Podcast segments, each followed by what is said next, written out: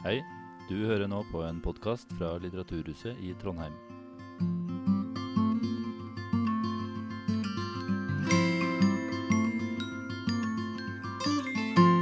Ja, Navnet mitt er Knut Ove Eliassen. Jeg er her for å holde et foredrag en halvtimes tid om Michel Foucault og Michels Foucault-interesse for det mange av oss kjenner under navnet nyliberalisme. Og jeg vil også komme inn på et annet emne som Foucault undersøker i den forbindelse biopolitikk. Det overordna spørsmålet i uh, franske filosofen og historikeren Michel Foucaults arbeid var Hvem er vi i dag? Det kan høres ut som en, gammel, en ny vri på en gammel maksime fra gresk filosofi. Kjenn deg selv, som det sto i Delfi, i inngangen til oraklet. Men hos Foucault handler det mindre om selvransakelse eller introspeksjon. Det handler om å stille et historisk spørsmål. Det handler om å stille spørsmålet hva er det i vår historiske eksistens, altså i det vi nå måtte føle eller oppleve eller erfare eller mene at vi er nå på dette historiske øyeblikket? Hva er det i denne historiske eksistensen, i identiteten vår, som unndrar seg vår erkjennelse? Rett og slett fordi det utgjør plattformen vi ser på oss sjøl fra og ser på verden fra. Det i vår identitet som betinger den, og som formgir den. Et slikt lys kan hele Foucaults forfatterskap forstås som en analyse av de kreftene og prosessene som preger og former våre selv. Kjente arbeider som 'Galskapens historie', 'Klinikkens fødsel', 'Det moderne fengselets fødsel', 'Seksualitetens historie'.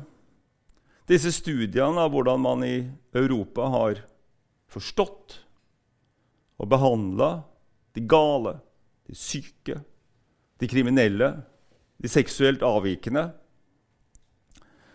Alle disse arbeidene er drevet frem hos Foucault av et underliggende spørsmål. Hvordan forsikrer vi oss selv om at vi er fornuftig, frisk, lovlydig og normal? For verken vanvidd, sykdom, forbrytelse eller avvik er stabile størrelser. Det er med historiske og kulturelle realiteter som nettopp står i motsetning til hva som til enhver tid anses som fornuftig, friskt, lovlydig og normalt. Og Som historiske størrelser så er de prega av vekslende forvaltningsmessige og institusjonelle praksiser og verdier. De er gjenstand for fortolkninger og symboliseringer. Den syke har sin kulturhistorie, den gale har sin kulturhistorie, og den kriminelle har sin kulturhistorie. I sine siste leveår var Foucault i gang med et større forskningsprosjekt, en studie av nyliberalismen, under arbeidstittelen 'Biopolitikkens fødsel'. Hans død i 1984 satte en stopper for arbeidet. Og det som foreligger av materiale fra prosjektet, er diverse notater, intervjuer, samtaler samt en forelesningsrekke fra våren 1979, som interessant nok avsluttes samme uke som Margaret Thatcher velges til statsminister i England for første gang. Av gode historiske grunner så er Foucault verken interessert i Thatcher eller Reagan, som først ble valgt samme høst. Det som interesserer Foucault, er nyliberalismen som en måte å tenke på, en egen rasjonalitet som uttrykte 20. århundrets historiske realitet, og som gjenfinnes langt utenfor økonomenes rekker, og som i 1977 var inn. Det følgende Unnskyld, 1979 var inn. Det følgende er en introduksjon til Foucaults forsøk på å identifisere de kreftene og idealer som former oss som samfunnsmessige subjekter i vår samtid. Og hvordan Det er det første. Hvordan vi formes som samfunnsmessige subjekter.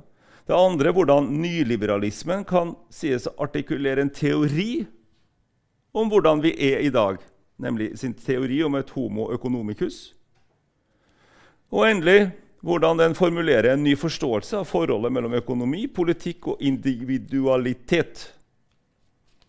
Og Helt på slutten så vil jeg forsøke å hurtig stille spørsmålet i hvilken grad disse nå tross alt 40 år gamle analysene fortsatt har gyldighet. Men først en litt kjedelig historisk lekse om nyliberalismen. Det nytter ikke å snakke om nyliberalismen uten at man har en viss idé om hvordan ser nyliberalismen ut ca. 1980.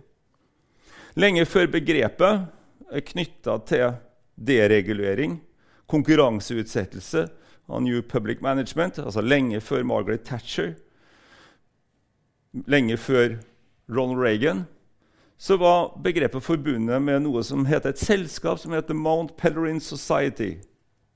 The Mount Pelerin Society. Et svært innflytelsesrikt diskusjonsforum for økonomer, politikere, historikere, jurister og filosofer. Etablert i Sveits rett etter andre verdenskrig. Selskapet teller åtte nobelprisvinnere i økonomi, og utover det navn som Carl Popper, Michael Poliani, Herbert Tingsten og vår egen Trygve Hoff, mange år redaktør for bladet Farmann. Imidlertid er tankegodset noe eldre enn The Mount Pelerin Society.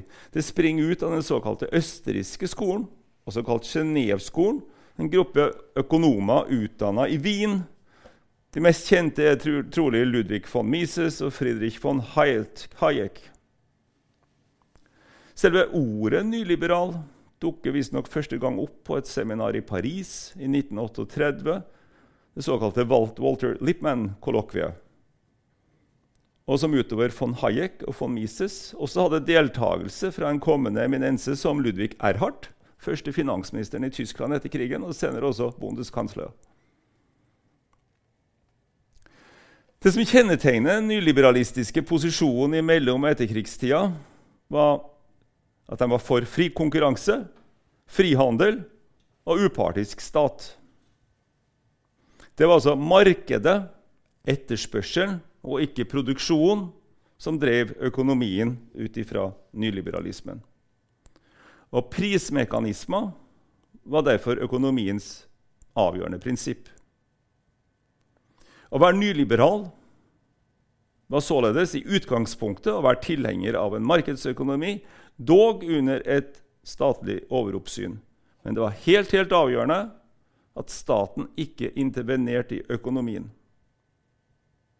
For von Mises og von Hayek og de andre nyliberalerne var nettopp statens intervensjon i økonomien den, kanskje den mest avgjørende årsaken til krigsutbruddet i 1914. En viktig drivkraft bak den tilintetgjørende krigen hadde vært nasjonalstatenes involvering i økonomien. Og møtet i Paris i 1938 var slik motivert at man kunne konstatere at nasjonalstatene igjen var blitt økonomiske aktører Bruk av tollbarrierer, industrisubsidier og offentlig eierskap var økende. I de fascistiske statene like mye som i borgerlig-liberale stater. Eller, I fascistiske statene betydelig mer, naturligvis, men også i de borgerlig-liberale statene. Tollmur, eller tollbarriere, eller tollmur er et uttrykk som stammer fra denne perioden. Og Man frykta i 1938 at konsekvensene kunne bli en ny krig. Et nytt nasjonalstatlig ressurs- og våpenkappløp. Og så forklaringa, eller drivkreftene til det, i økonomien. Etter krigen får nyliberalismen to viktige og forskjellige uttrykk. Det ene er en europeisk modell, den tyske ordoliberalismen, utvikla under Walter Erhardt i Vest-Tyskland. Betegna som en sosial markedsøkonomi, sosiale makt, Wirtschaft var den bestemt av skillet mellom marked, stat og sentralbank. Statens rolle var å være en slags overdommer, sørge for et sunt miljø, slik at partene i næringslivet, dvs. Si arbeidsgivere og arbeidstakere, kunne møtes til frie forhandlinger med staten som megler. En modell som ikke er ukjent fra, fra Norge. Og hvor da sentralbanken brukte styringsrenta til å passe på temperaturen i økonomien. For Vest-Tysklands del var det hele designa mot bakgrunn av den nazistiske kommandoøkonomien. Fortidas synder skulle ikke gjentas. Så i den forstand er nyliberalismens røtter i så henseende alt annet enn fascistisk, selv om man av den grunn ikke kan slutte at von Hayek og von Mises var noe utprega demokratiforkjempere. Nå finnes det imidlertid en annen og senere variant av nyliberalismen, som med Foucault, Foucaults ord er den anarkistiske nyliberalismen, eller anarko-nyliberalismen. Og da betydningen anarkoliberalisme i betydninga antistatlig. Og det er den amerikanske nyliberalismen, som i første rekke for Foucault er da Chicago-skolen, og som på noen avgjørende punkter skiller seg fra den europeiske tradisjonen. Mens den europeiske tradisjonen ser på markedet som et kontrapunkt til staten, og argumenterer for at markedet må være fritt, så er den europeiske tradisjonen langt fra statsfiendtlig. Både von Mises og von Hayek virka i sine formative år som embetsmenn og statsfunksjonærer i Østerrike. Så i den europeiske nyliberalismen tilligger det staten å sørge for at markedet fungerer, etablere rammebetingelser. I den amerikanske nyliberalismen, ja, i hele den liberale amerikanske tradisjonen, slik Foucault trekker opp historien til liberalismen og nyliberalismen i USA, så er staten selve problemet. Hele den amerikanske nyliberalistiske tradisjonen er artikulert mot staten, mot statlig intervensjonisme, både i markedet og i samfunnet for øvrig. Slik har den amerikanske nyliberalismen entydig brodd mot Roosevelts New Deal, etterkrigstidas keynesianisme, Johnson-æraens velferdsprogrammer, segregeringspolitikk osv.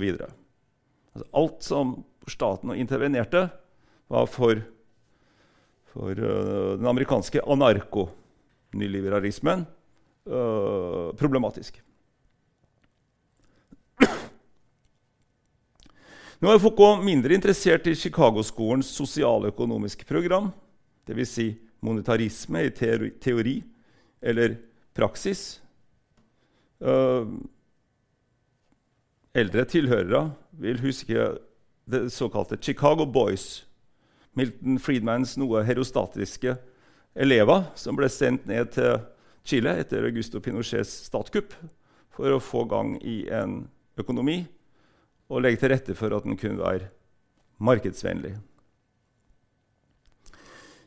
Det som Foucault interesserer seg for, og nå begynner vi å nærme oss Foucault igjen, er begrepet humankapital, som stammer fra Chicago-skolen, og som ble utvikla av økonomen Gary Becker, som har vunnet nobelprisen i økonomi, og som også har vært generalsekretær for The Mount Pelerin Society. Humankapital, eller human capital, er intet marginalt begrep.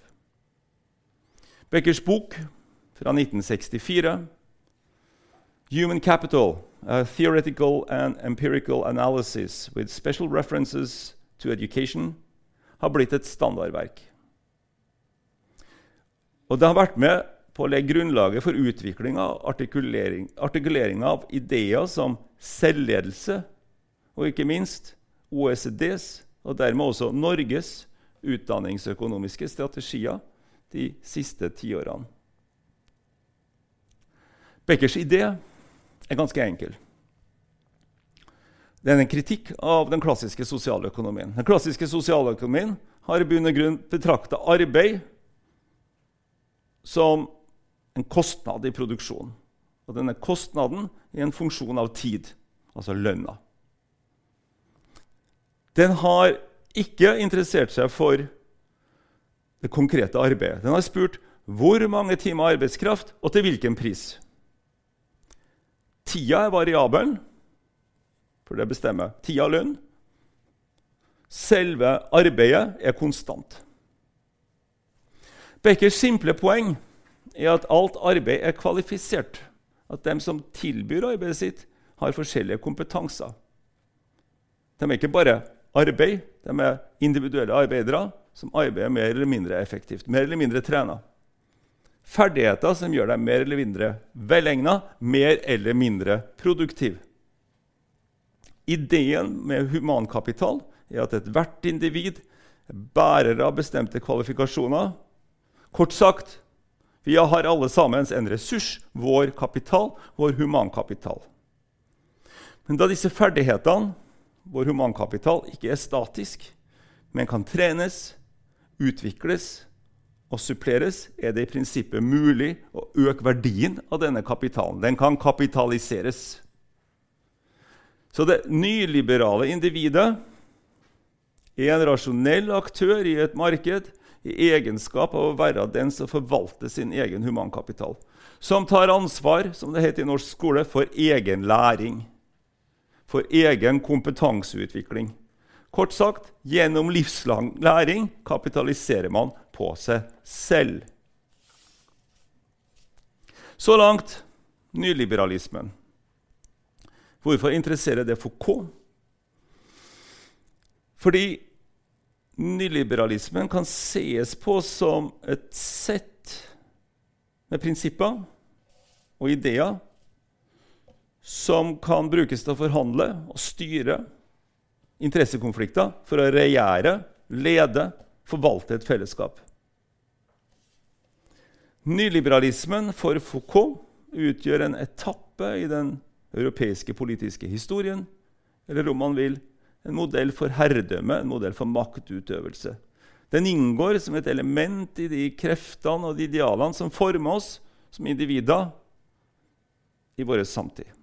Altså, de fleste vil huske, gjenkjenne denne ideen om ansvar for egen læring, denne formen for individualisering som dukka opp på 90-tallet, som i bunn og grunn var et eklatant brudd den der ideen som stod sentralt i norsk skole i etterkrigstida, nemlig at skolen skulle utjevne klasseskiller. Skolen skulle gjøre folk likere. Den skulle tilby alle samme muligheten. Det som kommer med Becker, med OECD og gjennom det norske utdanningspolitiske dokumentene på 90-tallet, er snarere en idé om at nei, skolen skal differensiere. Og Det er et markant brudd som har kommet inn gjennom bakdøra, som Foucault hadde nese for den gangen på, på 70-tallet. Den historiske analysen av maktens former er som kjent et gjennomgående perspektiv hos Foucault. Psykiatrien vokste frem av innesperringene av de vanvittige, av dem som var til sjenanse, eller dem som ikke kunne ta vare på seg selv. Sykehusene produserte pleie, de produserte også pasienter, diagnoser, statistikk og påbud og forbud. Fengslene sperrer inne dem som ble ansett som farlige, men sementerte også et skille mellom lovlydige og lovbrytere, og ikke minst produserte mer kvalifiserte forbrytere. Det var en innsikt man hadde allerede etter de første 20 årene av fengselsvesen, at fengselet er, feng er forbryterskoler. Det er rett og slett kompetanseutveksling som foregår bak, øh, bak murene. I undersøkelsen av disse institusjonelle praksisenes historie og den endra forståelsen av dem opp gjennom historien er Foucault kjent for å operere med forskjellige epoker og bestemte prinsipper dominerer styrings- eller ledelses- eller regjeringskunsten. Og Det kan være et poeng å rekapitulere de her epokene for å forstå den større historiske sammenhengen for hans analyse av nyliberalismen og tydeliggjort hva som er nyliberalismens særpreg. Det som kommer nå, er forholdsvis skjematisk. Det får dere bære over med. Det har med tid å gjøre. Det grenser til karikaturen. So be it. Det som for Foucault kjennetegner den tidlige moderne æraen, eneveldets tid, 1600-tallet, sagt med store bokstaver, er ideen om suverenitet. Dvs. Si at Ethvert rike er underlagt en fyrste. Det er rike, et rike i kraft av at det er et territorium. Og denne fyrsten, suveren, er den som militært behersker dette området. Som suverent derfor også har råderetten over dem som bor der. Altså, dette Ideen om en suveren nasjon stammer fra den, den tida. Og det har vi fortsatt. Altså, en nasjon for å kunne være suveren må kunne håndheve sin loven innenfor det området som man gjør krav på. I prinsippet så skylder suveren undersåttene beskyttelse til gjengjeld for at de underlegger seg kongen, underlegger seg suverens lov og betaler suveren skatt. Sanksjonsmidlene suveren, fyrsten, rår over, er den fysiske straffen. Kongen er herre over liv og død. Han brennmerker lemleste, øh, trellbinder osv. Og, og ikke minst ta livet av. Det neste århundret, 1700-tallet, det store oppdagelse er befolkninga. Eller mer presist demografi og økonomi. Territoriet er ikke lenger politikkens primære mål. Det er nå befolkninga som er målet for politikken. Fordi befolkninga er en kilde til inntekt og til militær makt. Politikk blir til det man denne, i denne tida kalte for politivitenskap, eller policeivissenschaft, science de la police, dvs. Si forvaltninga av polis, fellesskapet, organiserer rommet for å legge til rette for handel, sørge for å unngå epidemier, hungersnød. Fordi en sunn befolkning ga et godt skattegrunnlag, god økonomi og endelig forutsetningene for en god hær. 1800-tallets store bidrag til den politiske rasjonaliteten er oppdagelse av livet, eller biologien. Og det som Foucault, med en term som egentlig stammer fra 1920-tallet, omtaler som biopolitikk. Og Det biopolitikken bringer inn i den politiske rasjonaliteten, i styringa, det er øh, seksualitet, rase, reproduksjon gjennom et i utgangspunktet nøytralt begrep, statistisk begrep, nemlig norm, altså middelverdi. For biopolitikken handler det om å regulere befolkningas reproduksjonsevne, overvåke den, trene den, organisere den som arbeidskraft. Det er det levende arbeidet som skaper verdiene. Og utstyre den, utstyr den med en identitet knytta til nasjon, rase, kjønn og klasse. Det er disse biopolitiske parametrene. Så veldig kort så er dette de tre store historiske politiske regimene hos Foucault. Det er suverenitetens symbolske voldsregime, politivitenskapens disiplinerende regime og biopolitikkens normative regime. Og Det er mot en bakgrunn av de her tre styringsformene at nyliberalismen får sin form og politiske realitet. Nyliberalismen fungerer ikke ved hjelp av en øverste lov og kroppslig straff. Den bruker ikke innesperring for å skille de vanvittige fra de åndsfriske, de kriminelle fra de lovlydige. Den disiplinerer ikke kropper, den driver ikke tvungen normalisering. Nyliberalismen opererer med sikkerhet og risiko. Med informasjon og kalkyler, med motivasjon og belønning med markedsmekanismer. Det betyr ikke at de eldre regimene er borte. Det er for så vidt en av de interessante sidene ved covid-19-situasjonen. Altså hvordan man mobiliserer gamle teknikker for å administrere befolkninga, som innesperring, oppdeling av byer i soner, av land i soner. Den klassiske pestpolitikken fra 1600-tallet. Bruken av øh, disiplinering disiplinere kroppen i forhold til avstand og omgang med, med hverandre. Men også mer da moderne, up to date, øh, elektroniske. Altså, det er flere historiske øh, teknologier som her blandes. Men i alle fall, disse eldre øh, regimene er nå underordna, iallfall det som er tesen, dette overordna nyliberalistiske regimet, som handler om sikkerhet og risiko, informasjon og kalkyler. Vi er villige til å slippe opp lite grann, selv om det betyr at noen blir syk. Så kalkulerer man. Risken er akseptabel. Man tillater så og så mange døde. Hvis det når over en viss terskel, så er det uakseptabelt. Vi kjenner det også igjen fra trafikkpolitikk osv. Tre begreper står sentralt i Foucaults forståelse analyse av nyliberalismen som en måte å styre på. Og den første er markedet. Og det betegner en særlig sannhetsregime i nyliberalismen. Markedet har alltid rett. Hvis det ikke er etterspørsel etter et produkt, så har det ikke livets rett.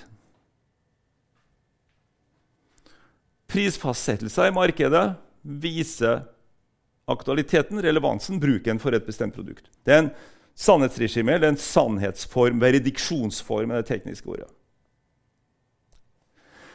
Det neste begrepet er konkurranse. Det er det sentrale elementet i nyliberalismens begrep om hvordan normativitet etableres og fellesskap reguleres. Vi møtes i konkurransen. Konkurransens regler bestemmer måten vi omgås på. Og endelig humankapital, som betegner nyliberalismens begrep om subjektivitet og selvforvaltning. Altså marked, konkurranse og humankapital.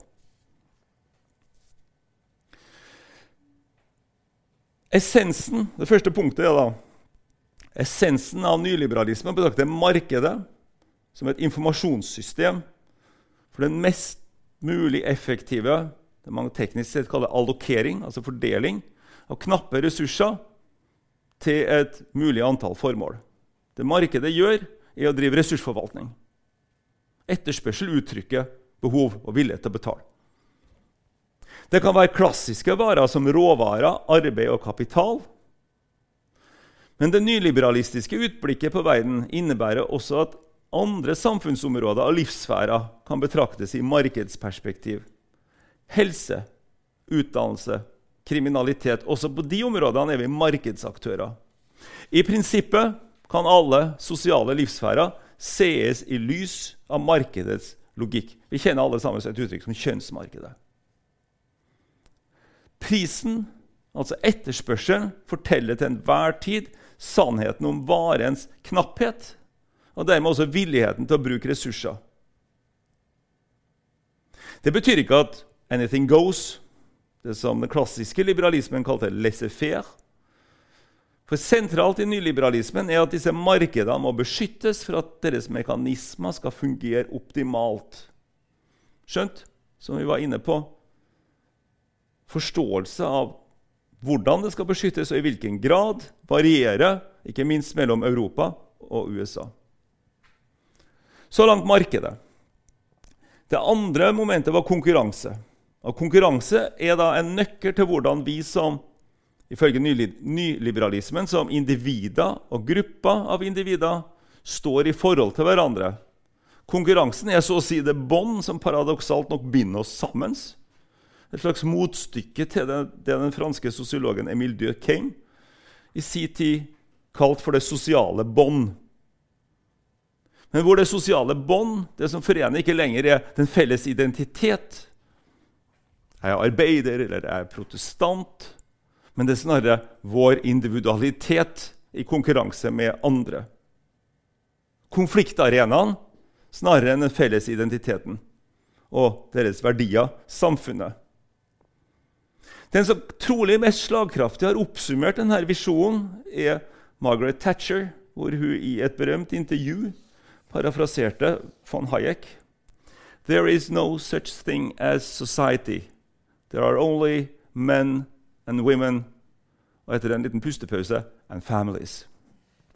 Der kom den verdikonservative biten inn allikevel.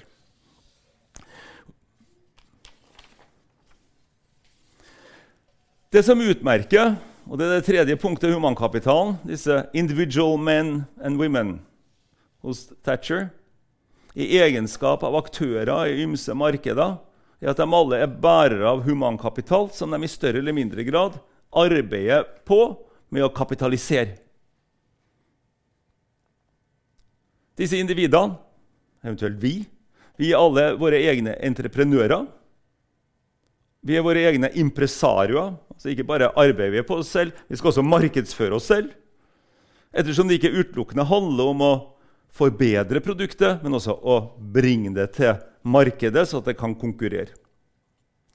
Og Det permanente kravet om selvforbedring og selvforvaltning og selvmarkedsføring impliserer ikke bare et fortløpende arbeid på seg selv. Det betyr også at risiko og sikkerhet blir faktorer man tar hensyn til hver gang man går inn på et marked. Er det verdt det? Hvilken risiko løper jeg? Hvordan kan jeg sikre meg? Slik kommer begrepet humankapital til å signalisere en ny form for subjektivitet, en ny form for selvforhold.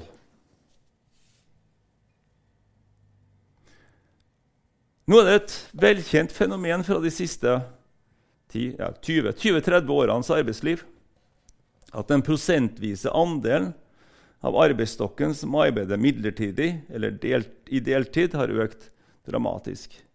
Jeg kan ikke tallene for i Norge, jeg så tilfeldigvis en tall fra, fra, Tyskland. I 1980 så var én av fem delt, i arbeidslivet deltidsarbeidende. Og I 2015 så var det ratioen ikke én én til fem, men én til to. Så at en tredjedel av arbeidsstokken var midlertidig eller deltidsarbeidende. Det som kjennetegna det gamle industrisamfunnet, var at det tilbød De kom ut etter første, eller for så vidt, etter, kanskje sin klassiske form, velferdssamfunnet etter andre verdenskrig. Man tilbød samfunnsmedlemmene, aktørene, en, biografi, en biografisk formel. Utdannelse, arbeid, pensjon. Eller otium. Det begynner grunnen den livskurva som alle kan gå inn i. Nyliberalismen er en teori som forkaster denne formelen.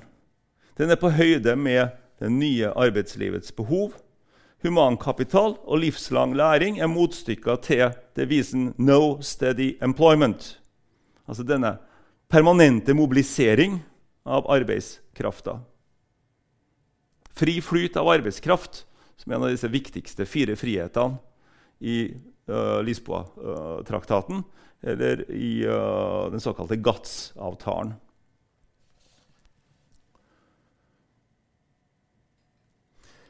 Det er imidlertid mindre de arbeidslivssosiologiske sidene av det her som opptar Foucault, enn hvordan det er å se som en nøkkel til en større konfigurasjon, nemlig spørsmålene hvordan vi er, hvem vi er, og hvordan vi har blitt til det vi er, på dette her bestemte tidspunktet i historien. Nå tror jeg bunn og grunn har gitt nok informasjon. Det er neppe nødvendig å trekke strekene mellom alle prikkene. Forvaltninga av cellet har det siste tiåret i økende grad fylt den politiske horisonten. Ikke bare i betydning av identitetspolitikk, ikke bare når det gjelder karriere og utdannelse, men vel så mye som sosial kapital, helse, identitet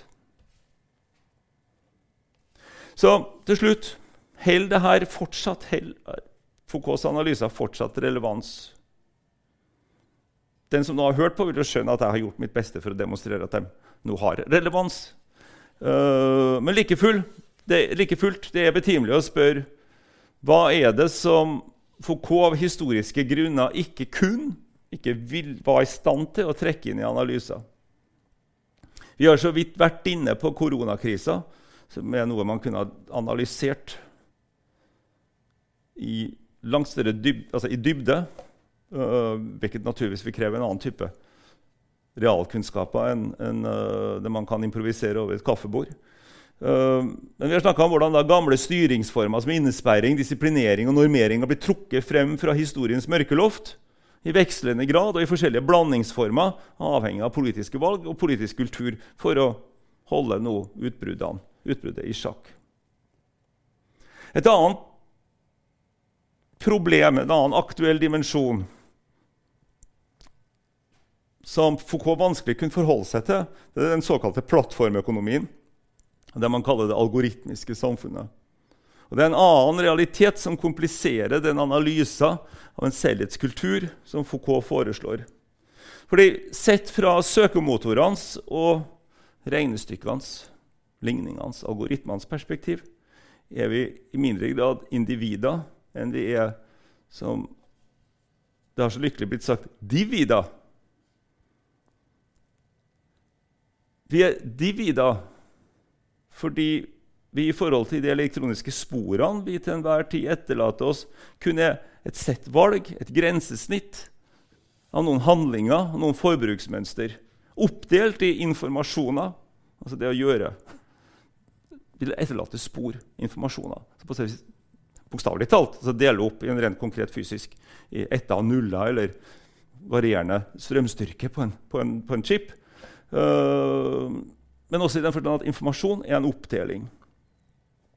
Vi har oppdelt informasjoner som kan stykkes sammen i en rekke forskjellige identiteter. Hva vi nå strømmer, når vi nå slår av vår favorittserie, eller vi velger å slå av en serie så den ikke lenger er en favorittserie, hvor vi reiser, hva vi handler, hvem vi kommuniserer med. Disse informasjonssporene genererer elektroniske dobbeltgjengere som dukker opp hver gang vi logger oss på. Likte du det her, så liker du sikkert det her. Og Det er kanskje en enda mer illevarslende subjektivisering enn den homo economicus, humankapitalen, som Foucault analyserte. Men dividet får bli gjenstand for en annen forelesning. Takk for oppmerksomheten, dere som nå fulgte med på det her.